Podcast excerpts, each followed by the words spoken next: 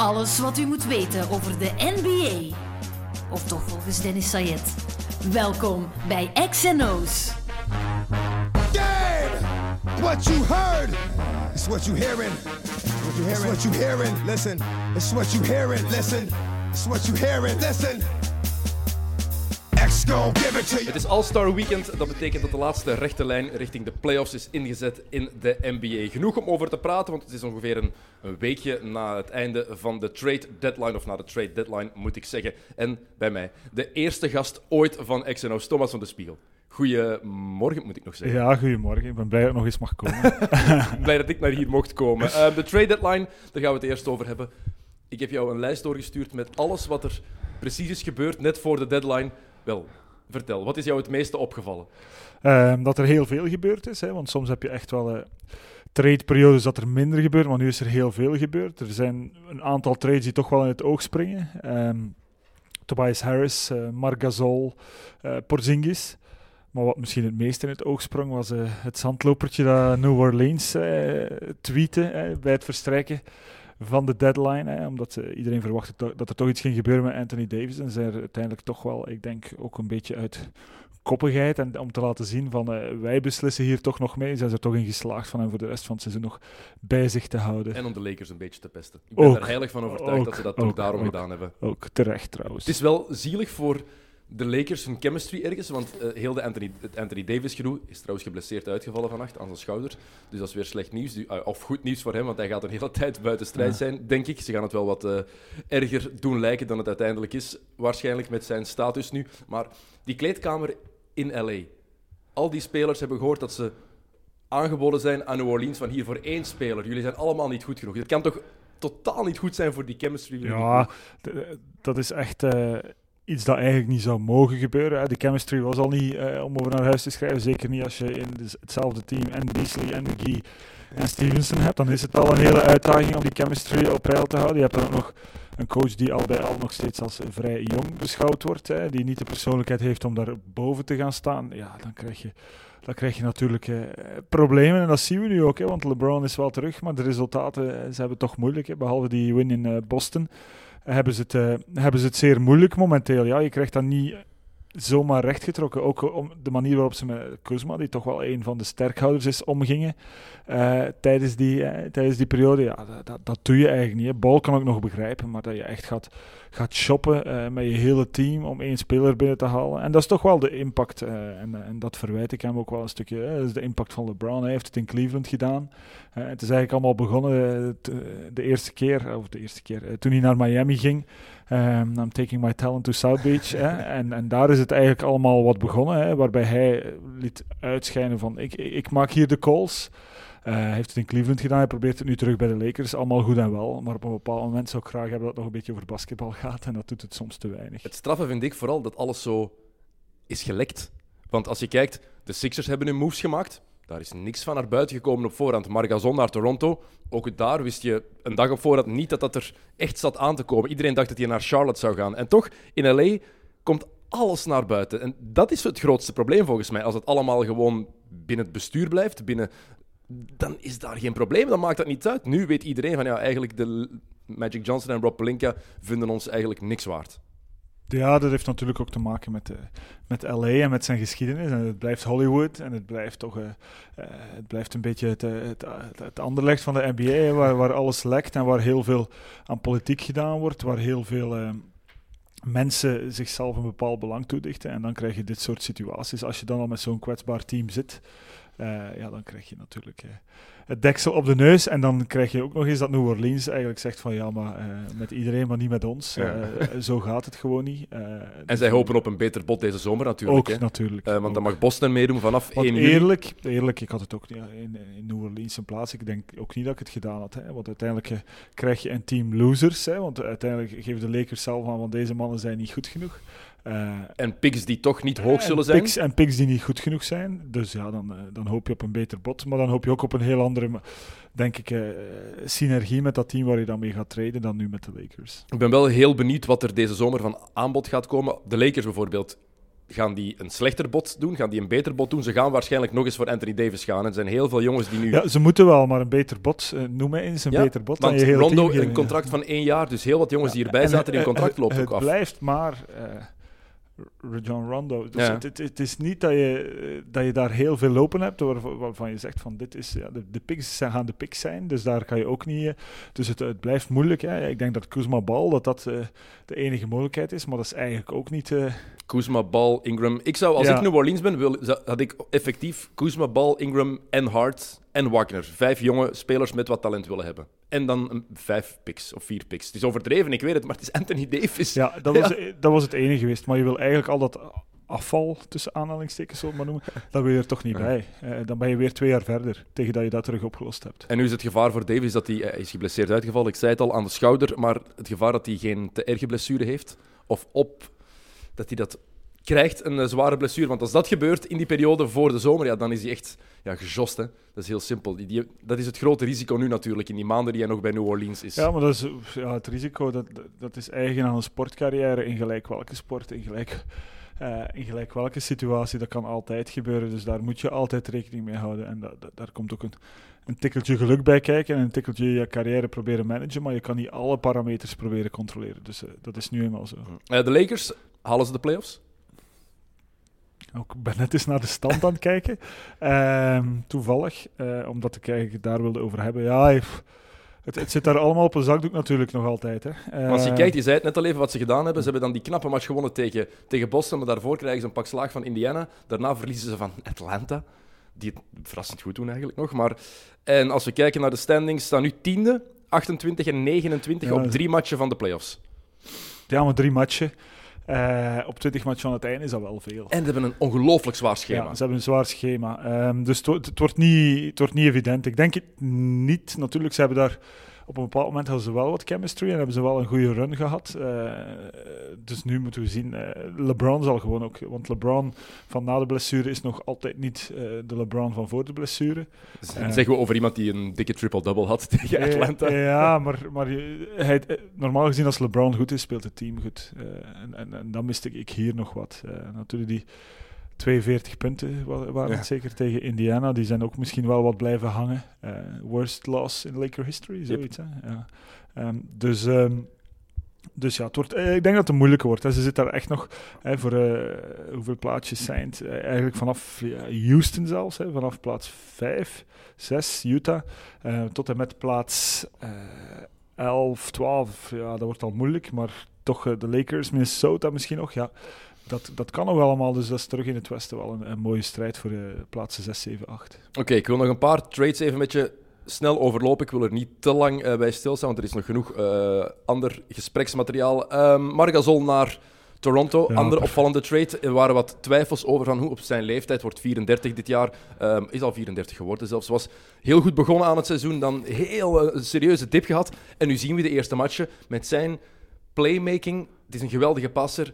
Dat is een van de dingen waar Kawhi Leonard het moeilijk mee heeft. Hij is geen goede playmaker. Dat is het enige, enige zwakke punt eigenlijk in zijn spel. En Margasol die vult dat perfect op. Ja, dat had ik nu wel kunnen voorspellen. Kijk, die, die Gasol-broers, die hebben zo'n basketbalintelligentie. Die weten ook perfect van zichzelf wat die kunnen, wat die niet kunnen. Ehm, Toronto moest iets doen eh, nadat eh, de Sixers eh, Tobias Harris haalden. Moesten die absoluut iets doen. Hè. Die, die, die hadden echt ergens een move nodig. En dan, ik denk niet dat je een betere move kan maken dan Gasol gaan halen. Ehm, die maakt gewoon iedereen een, stukje beter. Die heeft totaal geen e- niet de behoefte meer om, om de ster te zijn of om zijn ego voor het team te zetten. Ehm, dus die gaat zich die gaat zich daar perfect integreren en die gaat iedereen een beetje beter maken. De En het is een goede verdediger ook. Hè? Het is een goede verdediger. En de enige vraag, ja, want uiteindelijk, eh, Valanciunas die is toch altijd een beetje onder de verwachtingen gebleven op heel veel vlakken. Dus daar heb je eigenlijk een betere speler. Ehm, de vraag blijft wel natuurlijk in hoeverre, en, dat- dat is echt een oprechte vraag, in hoeverre zit Kawhi Leonard nog met zijn hoofd in Toronto op dit moment. En daar heb ik een beetje schrik voor. Ja. En ik denk dat de Gasol-trade wel kan helpen om hem te laten inzien van misschien kan het wel met dit team.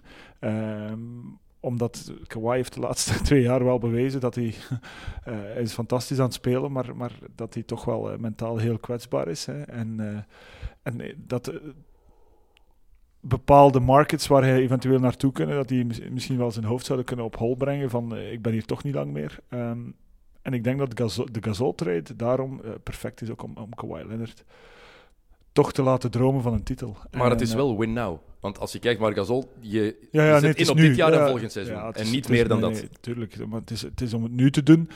Maar het zou ook wel heel jammer zijn. Ah, Stel je voor dat Toronto, hè, misschien zouden we het allemaal niet erg vinden dat Toronto wordt. Stel je voor dat Toronto wordt.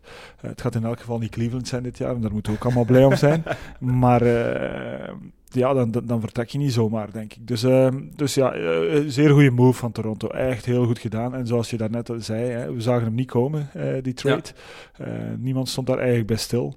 En, en, en zeer goed gereageerd op, op de volgende die we misschien kunnen bespreken, die van Tobias Harris. Even snel zeggen, ze hebben Valanciunas, CJ Miles en DeLon Wright opgegeven. Drie jongens, misschien zou je denken, wat veel voor iemand op die leeftijd op het einde. Maar dan wordt Jeremy Lin uitgekocht, zijn contract afgekocht eh, bij eh, Atlanta. Ja, ook goed en dat is een perfecte ja. vervanger, want hebben ze bij Toronto nu binnengehaald als vrije speler. En dan is dat opgelost, dat gemis eigenlijk van. DeLon Wright. Ja. Want daar ging het vooral over. Ja, ook goed gedaan. Eh, en je spreekt tegelijkertijd heel de Aziatische gemeenschap van Toronto, want die is heel groot. Ja, Die spreek je ook onmiddellijk terug aan. Dus ja, perfect. Misschien wel de winnaars van deze... Ja, de Sixers ook moeilijk, Ik maar... wou net zeggen, dat Maar, dat is, dat is een vraag het als je het volledige pakket bekijkt, is Toronto misschien de winnaar van deze, van deze trade-periode. Bij, want bij Philadelphia zetten ze ook in op win now. Want Jimmy Butler is na dit seizoen free agent. Wat daarmee gebeurt, ik durf het niet voorspellen. Want Jimmy Butler. Dat weet Jimmy Butler nee, zelf ook ik, ik denk ook niet dat er een ploeg is die hem echt een full max wil aanbieden. Na hoe grillig hij de laatste jaren is geweest. Nu met Tobias Harris. De vierde optie. Maar wel de ideale speler om als vierde goede, heel goede optie te gebruiken. Het is een gast met een heel laag ego. Die zijn rol heeft. Die goed kan verdedigen. Een heel goed shot heeft. En die voor mij perfect past binnen dit Philadelphia. En de Sixers ook weer een pak gevaarlijker maakt. Nog meer topkandidaat maakt om de finals te halen in het oosten. Die eerste vier daar, dat gaat fantastisch worden. Ja, nee, super. En, en, en ja, Tobias Harris echt heel goed. Hij weet perfect wat hij kan ook, wat hij niet kan. Eh, heeft een shot, hè, wat toch wel eh, een plus is voor de Sixers. Ehm, ja, en past perfect. eh, eh, is zeer complementair met Embiid, dus eh, goed gedaan. Mogen ook natuurlijk niet vergeten dat ze samen met Tobias Harris hebben ze ook nog een dublu- doublure gehaald voor Embiid, hè, want dat was ook wel wat een lacune. En Marjanovic blijft een beetje de laughingstock van de NBA, maar in positieve zin dan, hè, want hij werkt het zelf wat in de hand. Maar onderschat niet, eh, 10 tot 15 minuten Marjanovic op een wedstrijd is perfect. Hè. Dan 7 weet je- for 3 nog altijd, hè? dan Dat is 2 krijg je- meter 21, ja, die gast. Als ik de wedstrijden bekijk, hij begint beter te lopen met de jaren eigenlijk. Mhm. Dus, eh, dus niet dat hij ooit een fastbreak zal lopen, maar, maar hij, hij kan mee. eh, wat hij vroeger niet kan, wat hij vroeger niet kon. En ehm, ja, je weet, eh, 10 tot 15 minuten, perfect om een beat af te lossen. En dan krijg je ook gewoon die, diezelfde inside presence. Dan krijg je ook 10, 12 punten eh, in, die, in die korte speeltijd. Dan krijg je ook een paar bloks. eh, en dan is hij zeer aanwezig. En goede vriend van Tobias Harris. Wat ook belangrijk is naast het veld, dat hij meegekomen is. Het zijn Ja. jongens die constant samen waren toen ze bij de Clippers speelden. En Ja. Het speelt gewoon een rol hoe het Ja. naast het veld gaat. Ja, en, en, en, en de shooting van Tobias Harris gaat ook gewoon helpen. We zagen ook in een van de eerste wedstrijden dat dat onmiddellijk ruimte creëert voor JJ Redick. Hè, waar, waar men vroeger eigenlijk alleen naar eh, Redick moest kijken, eh, weet men nu van eh, we moeten gewoon meer gaan helpen, we moeten beter roteren. en dat, en dat, dat maakt gewoon ruimte. Dus nee, ook goed gedaan. Wel Markel Fultz laten gaan bij Philadelphia. Wie? Dat was het risico. Ehm, ze hebben Jonathan Simmons ervoor binnengekregen. Ze hebben naar Orlando laten gaan. Simmons vind ik een hele goede aanvulling als roleplayer van de bank. Want Philadelphia, als we dat, die ploeg nu bekijken, dit is echt een ploeg die dit jaar de finals moet halen. zeggen we ook over Toronto natuurlijk. Ehm, Boston, ja, daar, kun- daar gaan we het niet over hebben, want daar kunnen we te lang over uitweiden, omdat het daar zo'n ongelofelijke miserie is. Ehm, maar de Sixers die echt inzetten op dit seizoen. Hier moeten ze nu voor gaan. En dan ja, wordt het afwachten wie er zal bijtekenen na dit jaar. Want zowel Butler als Harris die willen een max contract natuurlijk. Ik zou het niet aan Butler geven, aan Harris.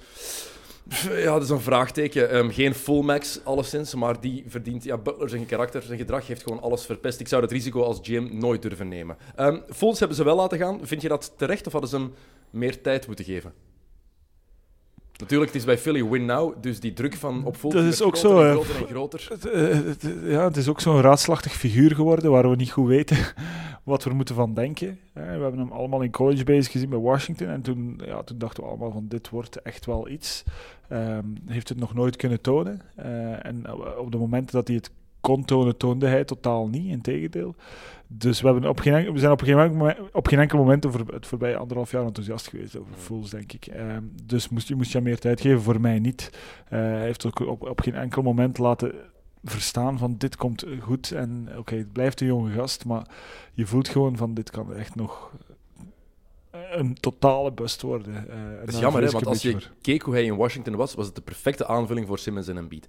Perfect. Als die gewoon zijn niveau had gehaald dat we verwacht hadden, dan was het een fantastisch trio geweest. En nu hebben ze hem gewoon laten gaan voor um, een tweede ronde draftpick, als ik me niet vergis, en voor uh, Jonathan Simmons. En dus eigenlijk hebben de Sixers Jason ja, Tatum... En een eerste ronde van OKC. Ja, dus eigenlijk hebben de Sixers Jason Tatum en een eerste ronde pick van Sacramento getrade voor Simmons, een tweede ronde pick en een pick die ze eigenlijk al hadden. Want de eerste ronde pick die, hadden, die was oorspronkelijk van hen.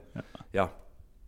Dat is, dat is heel pijnlijk voor een, uh, voor een number one pick in mijn ogen. Uh, ben wel curieus of Fultz bij Orlando die druk niet meer gaat hebben. Ik denk dat dat iets minder gaat zijn, maar toch. Het blijft, blijft, blijft de, NBA pick, en blijft de number one pick. En eh, als je niet onmiddellijk presteert, ja, ze gaan je geen zes maanden geven. Hè, als je terug blijft hangen in, in die problemen. En het feit dat je de laatste zes maanden in college wel kon shotten en plots uh, dat je de bal niet meer boven je schouder krijgt. Ja, als je daarin blijft hangen, dan kan het heel snel uh, verkeerd lopen. En zie ik hem snel in, in, in, in Europa ergens een kans krijgen om dan te eindigen zoals ik ben al zijn naam vergeten. Anthony Bennett. Anthony Bennett. Die zit in de eh, G-League trouwens. Ja. Die is fantastisch aan het spelen. Echt waar, die zegt cijfers aan laten optekenen die waren. Heb je al eens een G-League match van begin tot einde nee, gekeken? Nee, nee, nee, ja, oké. Dat, zegt alles. Ik geef het eerlijk toe. Ik heb al geprobeerd, maar uh, eerlijk, het is echt niet om aan te zien. Het is een rag, ragball, zoals dat heet. Hè. Het is zoals de 50-jarigen die in de zomer in de lokale YMCA... Uh, ja, we zijn met 10, kom we gaan 5 tegen 5 spelen, dan gooi je de bal in de lucht en ze beginnen eraan. Maar er zijn wel jongens die daardoor een kans krijgen in de NBA. En twee Belgen die op dit moment daar bezig zijn. Ik hoop voor hen nog altijd dat ze daar... Wel, het is daarom dat ik naar die volledige ja. wedstrijden wil kijken. Ze doen het wel goed, hè, maar het is echt, het is echt bijna pick-up waar je zit naar te kijken. Um, wordt ook vaak gedomineerd door undersized big guys, waarvan je weet... Zoals Anthony Bennett. Ja, die, waarvan je weet dat die eigenlijk tekort komen voor de NBA, maar die daar wel door hun kracht... Uh, dus ja, het is, uh, pff, het is niet top. Uh, dat zijn ook geen teams. je, kan, je kan het zelfs niet... Ja, je kan het misschien vergelijken met het niveau... Um, net onder Europese top, zo, hè. net onder de landen Spanje, Italië, eh, Griekenland, Turkije. Daaronder mm -hmm. moet je dat misschien gaan situeren. Dat gaan sommige jongens niet graag horen, denk ik. Ja, maar uh, we moeten er eerlijk in. Allee, ik heb echt wel de laatste tijd wel wat proberen kijken. Ik heb ook wel wat gekeken en, en, en ja, je moet daar gewoon eerlijk in zijn. Um, ook ondermaats zijn de New York Knicks. Al het hele jaar. Ze hebben vannacht nog eens gewonnen. Ik snap niet waarom, maar ze hebben blijkbaar nog eens gewonnen. Um, hebben Christophe Porzingis laten gaan.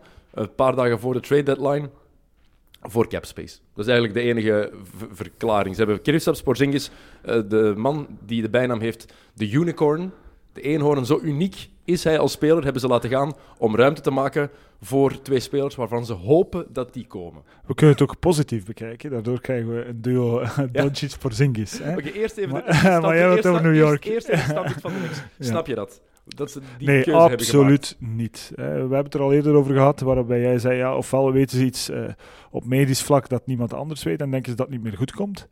Um, wat kan, maar oké, okay, in Dallas zijn ook geen halfblinde uh, dokters, veronderstel ik. Dus, um, dus ja, die gaan dat ook wel volledig gecheckt hebben. Um, ofwel nemen zij het risico, maar dat zou me ook verbazen als het echt een, een probleem zou zijn. Dus, um, dus nee, ik snap dat totaal niet. Uh, je hebt iemand waar rond je toch uh, een franchise kan bouwen. Hè. Daar, waren we allemaal van overtuigd tot aan de blessure. Mm -hmm. uh, als je daar twee, drie goede spelers naast zet, dan heb je echt wel een team waarmee je, ik ga niet zeggen de titel kan winnen, maar dat je toch de eerste helft van het klassement in het oosten of, of, of plaats 1 tot 5 mag ambiëren. En dan doe je zoiets. Um, nee, heel vreemd. En, nee, het blijft, het blijft New Ik denk, het blijft gewoon New York. Uh, en, en, en, en, en het blijft op en af. En, uh, en, ja, maar ze, er, ze, moeten ofwel weten iets over die blessure, wat je net zei, ofwel dus gewoon, ze al een garantie hebben van Kevin Durant of Kyrie Irving, een van die twee. Ik veronderstel dat die eerste, uh, waar alles over als gaat. Als je ziet hoe... Ja, het kan toch niet anders? Ik geloof niet meer in garanties als je ziet hoe snel alles verandert en hoe die spelers onderling met elkaar...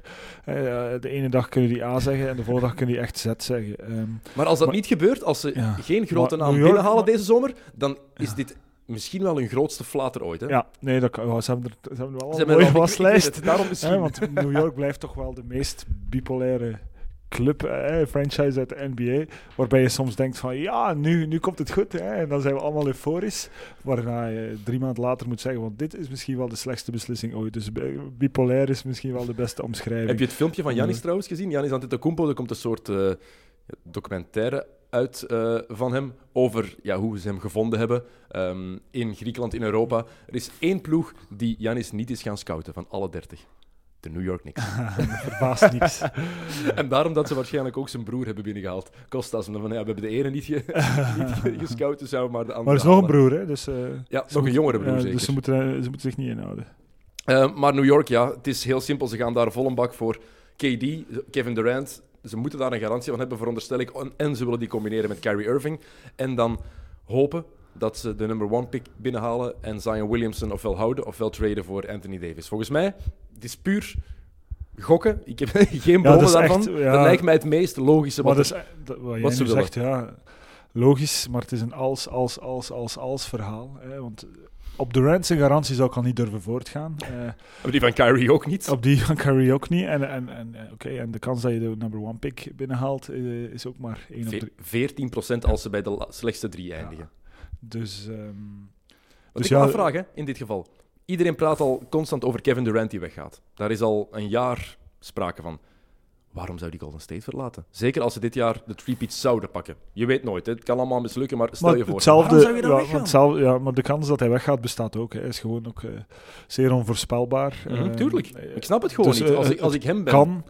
Maar als ik hem ben, zou ik ook niet weggaan. Want je kan eh, misschien wel onderdeel worden van de best, het beste team in de geschiedenis van de NBA. eh, waardoor er binnen 30, 40 jaar nog over jou gepraat wordt. Als je nu weggaat en je gaat naar New York en dat loopt mis, dan, eh, dan ben je een voetnoot. Ja. Ehm, het positieve dan, de Dallas Mavericks. Luka Doncic en Kristaps Porzingis, als die gezond geraakt, als die terug fit raakt en zijn weer niveau weer bereikt, wat een fantastische one-two punch heb je dan. En of all places in Dallas, waar dat Dirk Nowitzki 20 ja, het jaar... pad geëffend heeft. Ja, dat is prachtig ja. toch? Nee, dat is fantastisch. Ja, dat is super. Hè. Laat ons eerst... We willen het over de trades hebben, maar we moeten het toch misschien ook eventjes over Doncic hebben. Hè. De manier dat hij de vertaalslag gemaakt heeft van de, van de Euroleague MVP naar de NBA. Hè. Alsof het geen moeite kost eh, vanaf dag één. Eh, de go-to guy van het team, de belangrijkste speler van het team geworden, doet het ook heel goed. Heeft ook geen schrik om te zeggen van... eh, het is in de NBA allemaal net iets makkelijker dan in de Euroleague. Scoren. Het ging over het scoren. Ja, Hè? maar, ja, maar dan gaat het uiteindelijk ja, over. En, en, en dat is wat wij al, of ik zeker al jaren zeg, van het is gewoon een ander spelletje. Hij heeft het ook uitgelegd. Hè? Het veld is hier groter en ehm, Ja, de defensieve drie seconden maakt het ook gemakkelijker. Maar dat zeg ik ook al jaren. Hè, dat als je je man klopt, dan, dan is het gewoon eh, bijna een lay-up. Dat is misschien net iets overdreven, maar, maar, maar ja, het, het is gewoon een stuk makkelijker. Ehm, dus ja, als je ziet dat hij nu eh, meer dan 20 punten gemiddeld haalt. En In dan- de States zijn ze daar niet blij om, met Thomas, om die uitspraak. ja, oké. Echt, ze zijn maar- echt op hun, sommige analisten zijn echt op hun tenen Maar getrapt. die En ze- begrijpen, die hebben ook nog, ook nog nooit goed naar de Euroleague-wedstrijd gekeken. Het is toch een goede uit te leggen, want hij zegt niet het is hier gemakkelijker, punt. Hij zegt het is hier gemakkelijker, want. Het veld is hier groter en door defensieve drie gewoon- seconden. Dus Dat zijn ook gewoon logisch. Dat is ook gewoon logisch. eh, daarom dat, dat ik ook al jaren zeg, het is gewoon een ander spelletje. Je- Europa is veel tactischer. Eh, moet je veel meer nadenken als speler. Moet je veel beter georganiseerd zijn als team. Eh, wordt er ook veel meer tactisch getraind en voorbereid. En die scouting reports zijn gewoon helemaal anders. Je kent elk play van de tegenstander van binnen en van buiten. Dus ja, dat is een heel ander spel. En het is ook gewoon leuk dat een 19-jarige al de persoonlijkheid heeft om, om, om daar niet onnozel over te doen en gewoon te zeggen eh, waar het op staat. Hij mag het ook, want hij was vorig jaar eh, Euroleague MVP, Final Four MVP Spaans MVP. en Spaans MVP. Dus dan mag je dat eigenlijk al. Eh, dan mag je dat ook zeggen. Het straffe vind ik vooral dat hij zo weinig zenuwen lijkt te hebben. En vooral, hij heeft de leiding van die ploeg van bijna van dag één in handen genomen en ook gekregen. Want Rick Carlisle is geen gemakkelijke coach om een ploeg af te geven. En bij Doncic, het lijkt wel alsof hij die van, vanaf dag één helemaal vertrouwt. En. Doncic die speelt met zoveel vertrouwen. Ja, met veel vertrouwen en met een ongelooflijke... Hij heeft ook met de paplepel meegekregen. Hij speelt si- sinds zijn elfde bij Real Madrid. Ehm, dus ja, hij is gewoon tactisch eh, zeer onderlegd, zeer slim. En dat, eh, en dat zie je ook gewoon. Hè. En dan als je dat hebt als coach, dat is eigenlijk een verlengstuk van jezelf op het terrein, dan, eh, dan loopt dat allemaal super vlot.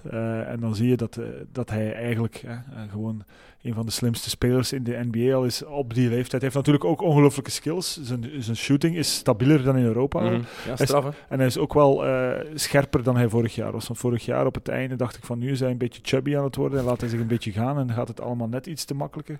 Ehm, nu zie je wel dat hij scherp staat. Maar terug naar de trade. En dan moeten we het over eh, Porzingis hebben. En ja, dat wordt, eh, het is ook gewoon goed dat hij dit jaar gewoon uitzit. Dat hij zorgt dat hij volgend jaar in topvorm is. En dat, ja, dat wordt echt smullen. Ik denk echt dat dat ongelooflijk gaat werken. En als Rick daar een, echt een chemistry in krijgt, Nowitzki zal daar wel een, een rol krijgen volgend jaar, denk ik, naast het veld, als hij stopt. We gaan ervan uit allemaal, hij heeft het nog altijd niet bevestigd. Hè. Eh, maar als hij stopt, dan gaat, het een, gaat hij volgens mij naast het veld daar ook een heel belangrijke rol in spelen om Porzingis mee te begeleiden in Dallas. Twee Europeanen die erbij komen. Ehm, wat ik er trouwens zo leuk aan vind, aan dit seizoen ook, ehm, want door die trade met Porzingis ben ik daar nog meer op gaan letten, dat je beseft van, kijk, de topkandidaat voor Rookie of the Year, of heeft hem eigenlijk al binnen, dat is een Europeaan. Topkandidaat voor MVP is een Europeaan. Als Porzingis fit raakt en zij zich blijven ontwikkelen zoals we allemaal verwachten, Doncic en Porzingis, dan is de sterkste one-two punch in de NBA binnenkort misschien wel Europees. Nee, nee. En dat is waanzinnig. Ja, ja, ja, nee, dat is waanzinnig. Maar, maar eh, ja, is gewoon hoe, hoe het in elkaar zit. En hoe, eh, we moeten ook wel zeggen, en dat geven analisten ook heel vaak toe. eh, gewoon de manier dat er opgeleid wordt in Europa. en de skillset die jonge Europese spelers hebben. En dat zien we met heel veel spelers. Dat zien we ook met Jokic. Hè. Ja. de- ja, die, die hebben gewoon een, een, veel breder gamma aan, aan skills dan, dan Amerikaanse spelers heel vaak. Waar, waar, waar, het, waar het bij de Amerikanen vooral over een 1 tegen 1 skillset gaat hè, en over de handles en over de crossover gaat het, gaat het bij Europeanen gewoon ook heel vaak om, om tactische skills, eh, het spel lezen, eh, je tegenstander beter kunnen lezen. eh, en dat helpt gewoon. Als je dat dan kan koppelen, hè, want uiteindelijk, zeker Porzingis en, en Giannis zijn ook fysieke freaks. Als je die twee kan koppelen, ja, dan heb je natuurlijk... heb je natuurlijk wel straffe spelers en soms wel straffer. Maar oké, we moeten nu. Er zijn een aantal die we niet mogen vergeten, natuurlijk, die, die, die, die daar geschoold zijn. eh, om om eh, Williamson, die eraan komt, niet te noemen. eh, Ja. die ook wel de face of de NBA kunnen worden. RJ. Barrett bijvoorbeeld ook nog eens erbij. En De Canadees. de- ja, dat is waar. Maar wel in de States opgeleid, Ja. vooral. Eh Peterkind trouwens van Steve Nash. Ja, Leuk, leuk, leuk weetje. Eh, maar de beste spelers in de NBA in het algemeen zijn... De allerbeste zijn vaak nog altijd Amerikanen. LeBron James, Kevin Durant, Stephen Curry, James Harden. Kunnen we moeilijk ontkennen natuurlijk. Maar dit jaar, wat eh Doncic en Giannis aan het laten zien zijn, is eh, redelijk straf. Eén trade waar ik het nog zeker met je over wil hebben, is die van Harrison Barnes. Niet over de trade zelf, maar over de reactie van LeBron James daarop. Want eh, Barnes die werd getrade tijdens de wedstrijd dat hij aan het spelen was. Bij Dallas kwam dan ook zo in beeld daarvan, ja, Harrison Barnes traded to Sacramento. LeBron daar heel kwaad over op Instagram. Achteraf blijkt dan dat Barnes op de hoogte was gesteld. Hij wist dat hij getrade kon worden. Ze hebben hem de vraag gesteld, je mag kiezen of uitzitten, want je kan getrade worden tijdens een match, of spelen. En hij heeft zelf gekozen om te spelen. Ehm, jij had daar ook over getweet dat je vindt dat ehm, de spelers iets te veel macht krijgen. Ja, of in kijk, handen hebben. Nee, ja, als je ziet hoe LeBron daar ook weer op reageert, hè, dat hij eh, bij wijze van spreken het geweten van de hele NBA wil worden, dan denk ik, laat het alsjeblieft ter- terug eens over basketbal gaan. Ik zit naar heel veel wedstrijden te kijken die eigenlijk nergens naar lijken, waar de ploegpresentatie bijna belangrijker geworden is eh, en de social media die er rond gecreëerd wordt bijna belangrijker geworden is dan het spel zelf. Eh, dan heb je daar eh, LeBron, die toch wel... over veel onderwerpen wel zinnige dingen zegt, maar die dan ook af en toe moet leren om te zwijgen en gewoon de sport eh, laten primeren. Dus ik, heb het zo wat gehad met, met spelers die willen gaan beslissen van eh, ik ga met ja, wij zijn vriendjes en wij gaan volgend jaar samen naar een ander team en daar gaan we dan voor een championship. Ja jongens, eh, je zit nog in het huidige seizoen, probeer nu gewoon eventjes te focussen op wat er op het terrein gebeurt. Ehm, dus ik, ik heb het een beetje gehad met de spelers die denken dat, ze, dat zij de NBA moeten rulen. Oké, zij zijn de assets van de NBA, maar het is nog altijd sport en af en toe moet het gewoon eh, over de wedstrijden gaan en niet over het hele randgebeuren. En het gaat eigenlijk alleen nog maar over lifestyle, het gaat over content, eh, het gaat over eh, politiek ook een stuk. En, en, en ik denk dat Silver daar, hè, hij heeft het zeer goed gedaan. Ehm, Adam Silver, de commissioner, heeft het zeer goed gedaan. Hij heeft van de NBA echt nog extra... nog meer dan, dan Stern in zijn tijd een, een, een marketingproduct gemaakt dat misschien wel het beste sportproduct ter wereld is. Heeft ook een zeer specifieke strategie ontwikkeld rond alles dat de rechte is rond de NBA. En dat werkt allemaal keigoed. Uh, maar nu wordt het toch wel eventjes tijd om die teugels, denk ik, terug aan te halen en te gaan focussen op. En, en daarmee bedoel ik niet teruggrijpen naar het verleden. Hè. Ik bedoel gewoon van, uh, we mogen niet vergeten dat het nog altijd over sport gaat. En nog altijd Ligt dat niet vooral in de media dan? Ja, ook, die hebben daar ook toch een hele grote impact op. Tuurlijk, maar de media, de, de media krijgen een heel vrije rol in de NBA. Eh, en alles dat NBA-content is, eh, mag eh, vrij of relatief vrij verdeeld worden. En dat is goed om je product groot te maken, maar op een bepaald moment moet het terug ook gewoon gaan over, over, een titel winnen en, over, niet enkel over eh, de spelers die dit vinden en de spelers die dat vinden. En, want op den duur, eh, en, en, en, en dus daarom, ik heb er al naar verwezen eerder, het is begonnen met LeBron die zei, eh, I'm taking my talent to South Beach. En sindsdien eh, denkt LeBron van het geweten te moeten zijn van de NBA. En hij bepaalt eigenlijk eh, alles dat er gebeurt. Daarom was ik ook nu eigenlijk blij dat hij Anthony Davis niet gekregen heeft. Dat hij niet zijn, zijn trucjes van in Cleveland... Hè. De volgende is de coach, hè, want dat heeft hij ook al geprobeerd dit jaar. Hij zou safe zijn, Eh, volgens de laatste bericht. ja, kijk, maar, maar dat weet je ook niet. En, en, en dat is niet de rol van de speler. Soms moet hij ook gewoon nog eens basketballen en met resultaat bezig zijn. En niet enkel met alles dat er rond gebeurt. En nu klink ik eigenlijk als misschien een cynische oude man. eh, dat, dat wo- ja, dat ik aan het worden ben. Maar ik, ik hou zo, zo hard van dat spel. Hè. En, en ik kijk zo graag wedstrijden. En of dat dan nu eh, eh, in, in, in derde klasse in België is. Hè, ehm, of... of G-League. Hè, of ik, ik kijk heel graag naar het spelletje, maar dan wil ik ook gewoon mooi basketbal zien waar, waarin het erom gaat om te winnen. En dat, en dat mis ik soms. Eh, Men is te veel bezig met, eh, met, met, met, met andere zaken, met, Met volgend jaar Ja, en met bijna. volgend jaar Ja. bijna. Hè, want nu zijn we ook, eh, oké, deze podcast gaat er wel een stukje over, maar nu zijn we ook eigenlijk ook al aan het praten. Wat volgend jaar, Mhm. wat volgend ja, jaar. het is zo. Ja, hebben, we hebben het eigenlijk nog niet gehad over, over, over dit jaar en Mm. hoe het er nu aan toe gaat. En, en dan mis ik soms een beetje zo van, eh, jongens, eh, we zijn wel aan het huidige seizoen bezig. En eigenlijk is iedereen terug aan het aftellen tot aan de play-offs, want dan, wordt er, dan gaat er voor echt gespeeld Mm. worden. En dan denk ik, ja, die 82 wedstrijden, die dienen eigenlijk alleen maar als opvulling en dan om er rond te lullen. je weet, ik ben het daar niet mee eens. Ik vind ja. Die 82 matchen ook nog een enorme waarde hebben. Eh, wat ik wel vind van die macht van de spelers, want ik snap je punt daar helemaal in, maar ik zeg het, de media spelen daar ook een grote rol in, de social media ook. Maar dat de spelers zoveel macht hebben, dat is mede dankzij LeBron. Ik vind dat niet per se iets slecht, want als we al macht aan de eigenaars geven... dan- Eigenlijk is het dankzij Latrell Sprewell die zijn coach proberen te choken heeft. Eh, PG Carlissimo, m- waarschijnlijk al meer dan 20 jaar, of ongeveer 1997 Ja, was dat. Dus 20 jaar geleden, meer dan 20 jaar geleden. Eh, en daar is het allemaal begonnen. En, en, en, en, en toen zei hij van ja, wat moet ik gaan luisteren naar een coach die eigenlijk tien keer minder verdient dan wat ik verdien. Ja, dat en- een en- en belachelijke dat is eigenlijk is misschien, eigenlijk. ja, maar dat is misschien eigenlijk een van de basisproblemen, dat er geen respect meer is. Mhm. Maar het is wel goed ergens dat de spelers hun lot... eh, Sommige mensen zijn daar tegen, sommigen daarvoor. Maar wat LeBron zijn punt ook ergens was van... Iedereen heeft altijd kritiek als een speler zegt... Ik wil weg, ik wil mijn eigen lot bepalen. Maar als een club een speler gewoon trade, dan is dat meteen aanvaard. Want het is de beslissing van de club. En dat evenwicht mag er wel wat meer Ja, zijn. De spelers hebben het recht om hun eigen Het keuzes is- te maken, natuurlijk. Ja, nee, dat klopt. En daar moet misschien meer evenwicht in. Het is natuurlijk een systeem waarbinnen zij eh, als acteurs fungeren. Dat ook niet. wa- wa- wa- dat hen ook gewoon. eh, ja, ze, boeren er niet slecht van, hè, van het huidige systeem. Feit. En het zit goed in elkaar. En ze hebben al zeer veel macht en ze verdienen al heel veel geld. De toppers. Eh. Want als je kijkt naar een Nick Stauskas nu bijvoorbeeld, die op drie dagen tijd, of in twee, op drie dagen tijd, is die naar vier clubs ge- getrade. Ja, en nu is die, zit hij zonder club. Ja, nee, maar dat, dat is misschien iets dat er, dat er uit moet. Maar Nick Stauskas is er ook niet slechter van geworden. En dat is nu eenmaal... Ik heb ook... eh, ik wil het niet op mezelf betrekken, maar ik heb ook eh 18 jaar, waarvan 12 in het buitenland, of 11, eh, bij wijze van spreken, uit mijn valies geleefd. Dat is nu eenmaal... ik heb ook nog een wedstrijd gespeeld op zondag. En de donderdag was ik in, Rome. En de, z- de donderdag was ik al in Moskou. En dan wist ik op zondag nog niet dat dat ging gebeuren. Ja, zo zit het systeem in elkaar. Is dat leuk? Nee, maar het is wel een, een bepaalde vorm van opoffering die je doet. Je weet het op voorhand. En, je, en je bent onderdeel van dat leven. En is dat leuk? Nee, ja, af en toe is dat niet leuk. Maar oké, zo werkt het nu eenmaal. En je kiest ervoor. En je, je, mag nog altijd doen wat je liefst doet, hoop ik toch voor de meeste van hen. Eh, en je er brood mee verdienen. En, eh, en er toch... pff, en zeker in de NBA ben je onderdeel van de, misschien wel de beste league ter wereld. eh, over alle leagues heen. De Champions League zal wel in de buurt komen.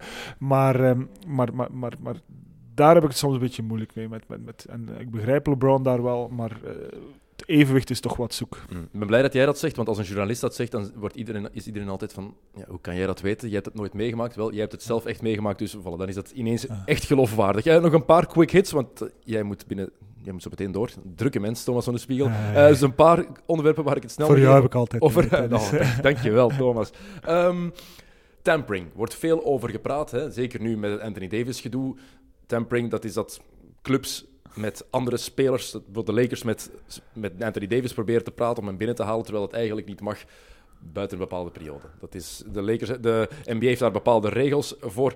Maar de vraag is, maakt dat eigenlijk uit? Bijvoorbeeld, Magic Johnson heeft vorig jaar een boete gekregen omdat hij had gezegd dat Giannis Antetokounmpo echt goed is en ooit MVP zal krijgen. Dat was dan tampering. Iets positiefs zeggen. Maar ze kijken er dan niet van op dat een speler op 1 juli, vanaf dat free agency opent, na vijf minuten al een contract getekend heeft bij een ploeg. Dat gebeurt ook niet in die vijf minuten dat 1 juli bezig is. Hè. Daar is ook getamperd tussen aanhalingstekens. Eh, ik vind die tampering-boetes het belachelijkste ooit en vooral eh, zo selectief als de pest. Ja, ik denk dat je moet eh, een onderscheid proberen maken tussen Magic Johnson, die toch wel een van de greatest players of all time is, en die publiek iets zegt. Magic Johnson als, eh, als een van de eh, dirigenten van de Lakers, die een onderhandeling opstart. eh, waarbij het eigenlijk al gaat over het contract eh, of wat er zou kunnen gebeuren met Janis. Ik denk dat, dat, dat ze daar ook wat evenwicht missen op vandaag. Hè, en dat ze alles over eenzelfde kam scheren. Magic als publiek figuur moet dat kunnen zeggen op vandaag. Moet Magic als, als de Lakers zijnde een meeting beleggen met de zaakwaarnemers, zoals dat zo mooi heet, van uh, Antetokounmpo? Nee. En als dat lekt, eh, lijken me dat twee verschillende dingen. Maar een boete, Tegelijkertijd maar een ben ik- omdat hij antwoordt op een vraag van een journalist. Tegelijkertijd ben ik het met je eens dat je dat niet allemaal in regels kan gaan gieten. Want als, als Magic Johnson eh, zin heeft om morgen iemand te ontmoeten, dan kan hij dat perfect zonder dat dat ooit... Tuurlijk. eh, je kan dat niet controleren. En Dus, zeker nu spelers die sms'en ook met elkaar, whatsappen met elkaar, dat kan ook tampering zijn dan. Want LeBron kan proberen of Kevin Durant kan proberen Maar eigenlijk- om Kyrie Irving te Eigenlijk zitten we daar met, met wat we daar net over hadden, waar we eigenlijk een beetje eh, het beu zijn dat dat allemaal gebeurt. Mm.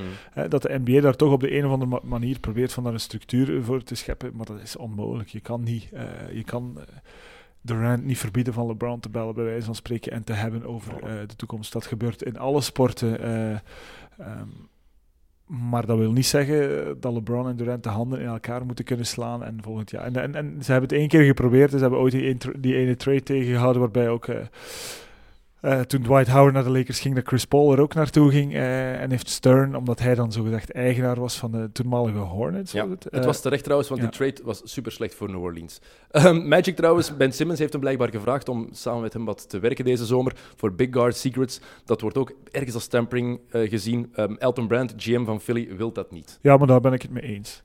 Je, paar... je brengt ook niet, ja, je brengt gewoon geen.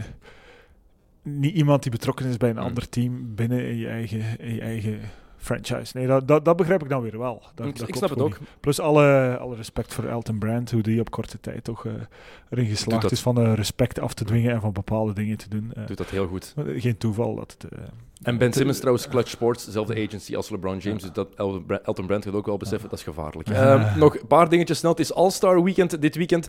Ehm, ik ga er niet te hard op ingaan. Wel, even dit vraag. Wat vind je van de speciale selectie voor Dirk Nowitzki en Dwayne Wade?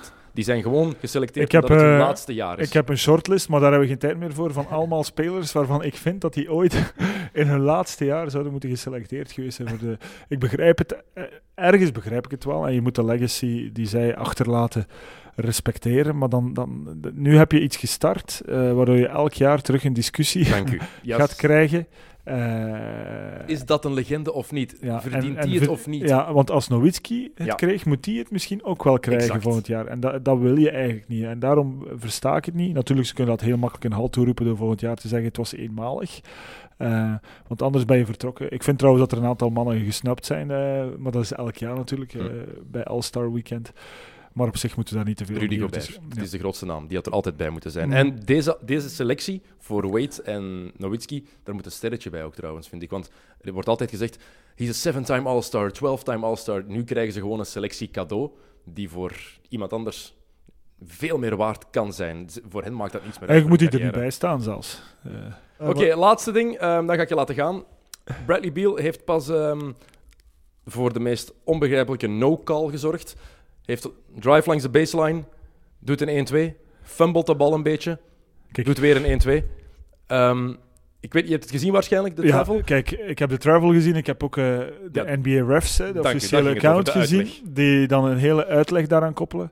Weet je wat, refs, hè, het blijft een subjectief gegeven en het, en, en het loopt soms mis en ze maken fouten. Maar als je weet dat je een fout gemaakt hebt, zwijg dan gewoon. Of je geeft je fout toe, of je zwijgt. Maar je gaat er niet een hele uitleg bij verzinnen waarbij dat je het reglement toch wel heel eh, creatief interpreteert om te gaan zeggen van dit was een goede call.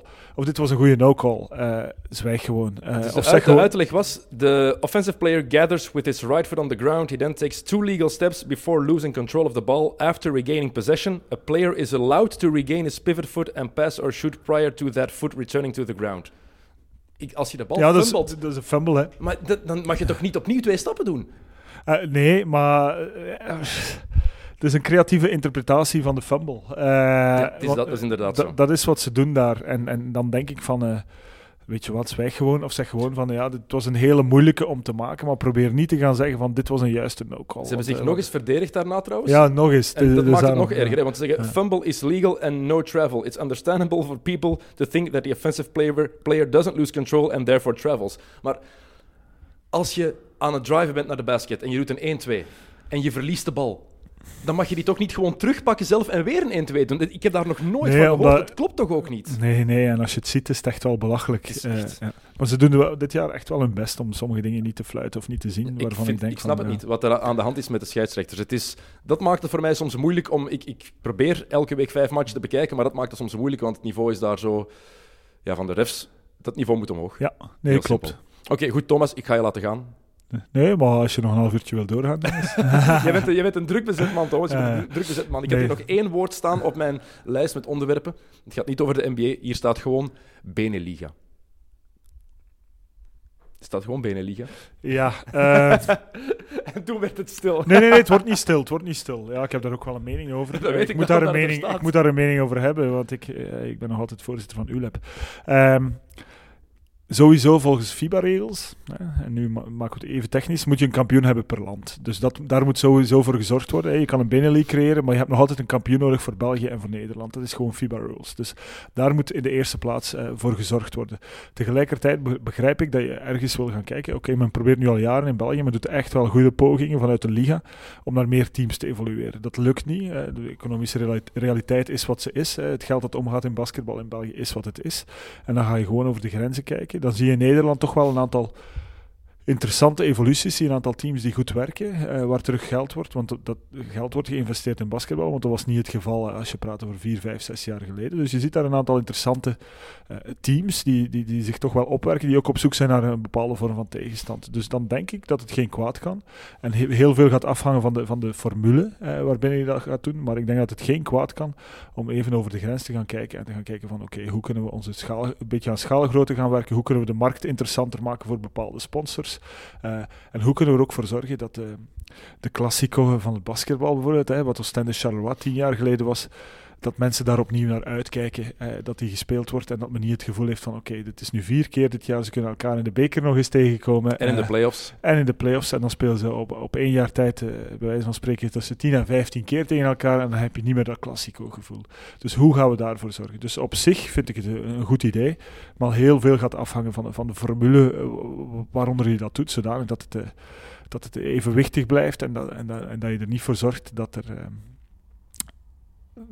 dat bij wijze, bij wijze van spreken Mols eh, eh, vier keer naar het noorden van Nederland moet, want dat gaat ook niet helpen. Dus da- daar moet je echt wel gaan kijken van een geografische spel. Er zijn een heel aantal para- parameters, maar ik ben zo... Sche- Scheidsrechters, bo- dit is een heel belangrijk aspect, want dat zijn geen full-prof scheidsrechters. Eh, zelfs niet semi-prof, als ik me niet vergis. Eh, ik denk dat veel mensen hebben gewoon een fulltime job. Bijna alle scheidsrechters Ja, hebben want tegenwoordig hebben ze wel, tegenwoordig eh, is wel al een verschil eh, ten opzichte van vroeger. Hè. Ze Ik hebben wil gewoon zeggen, als je, dan, als je dan vier uur moet rijden heen en Nee, maar, overnachten of nog eens vier uur s'nachts Ja, het, het gaat bepaalde investeringen Voilà. vergen ook van, van, van, vanuit de liga's en vanuit de teams. En, eh, maar als men wil naar een duurzamer model gaan, eh, kijk, we proberen het al jaren en het is zeer moeilijk. Eh, we zijn geografisch nu eenmaal niet bevoordeeld. Eh, we zijn een klein land, een kleine markt. Eh, dan, dan is het begrijpelijk. Eh, en het zal wat tijd nodig hebben, maar ik ben sowieso pro. Sportief zou het echt wel een, een meerwaarde zijn. Eén, meer clubs, meer spankracht dan.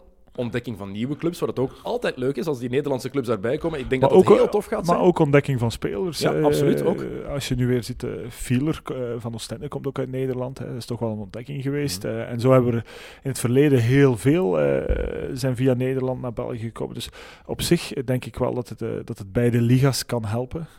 en, en dat het goed is dat daarover gepraat wordt en dat men dat probeert. Het risico is ook beperkter dan in, bijvoorbeeld in voetbal, waar wel heel veel geld in omgaat. En waar men niet weet waar dat toe gaat leiden. Maar in basketbal gaat dat nu er niet voor zorgen dat er plots morgen eh, geen basketbal meer, meer zou zijn, eh, bij wijze van spreken in Limburg of in Mechelen. Eh, Ik ben alleszins pro. Ik hoop dat het ervan komt. Goed, Thomas, bedankt dat je even tijd voor mij wou maken. Eh bedankt u voor het luisteren. Vergeet u niet te abonneren. XNO's podcast. En geef ons gerust een eh, rating. Dat helpt altijd. Tot de volgende.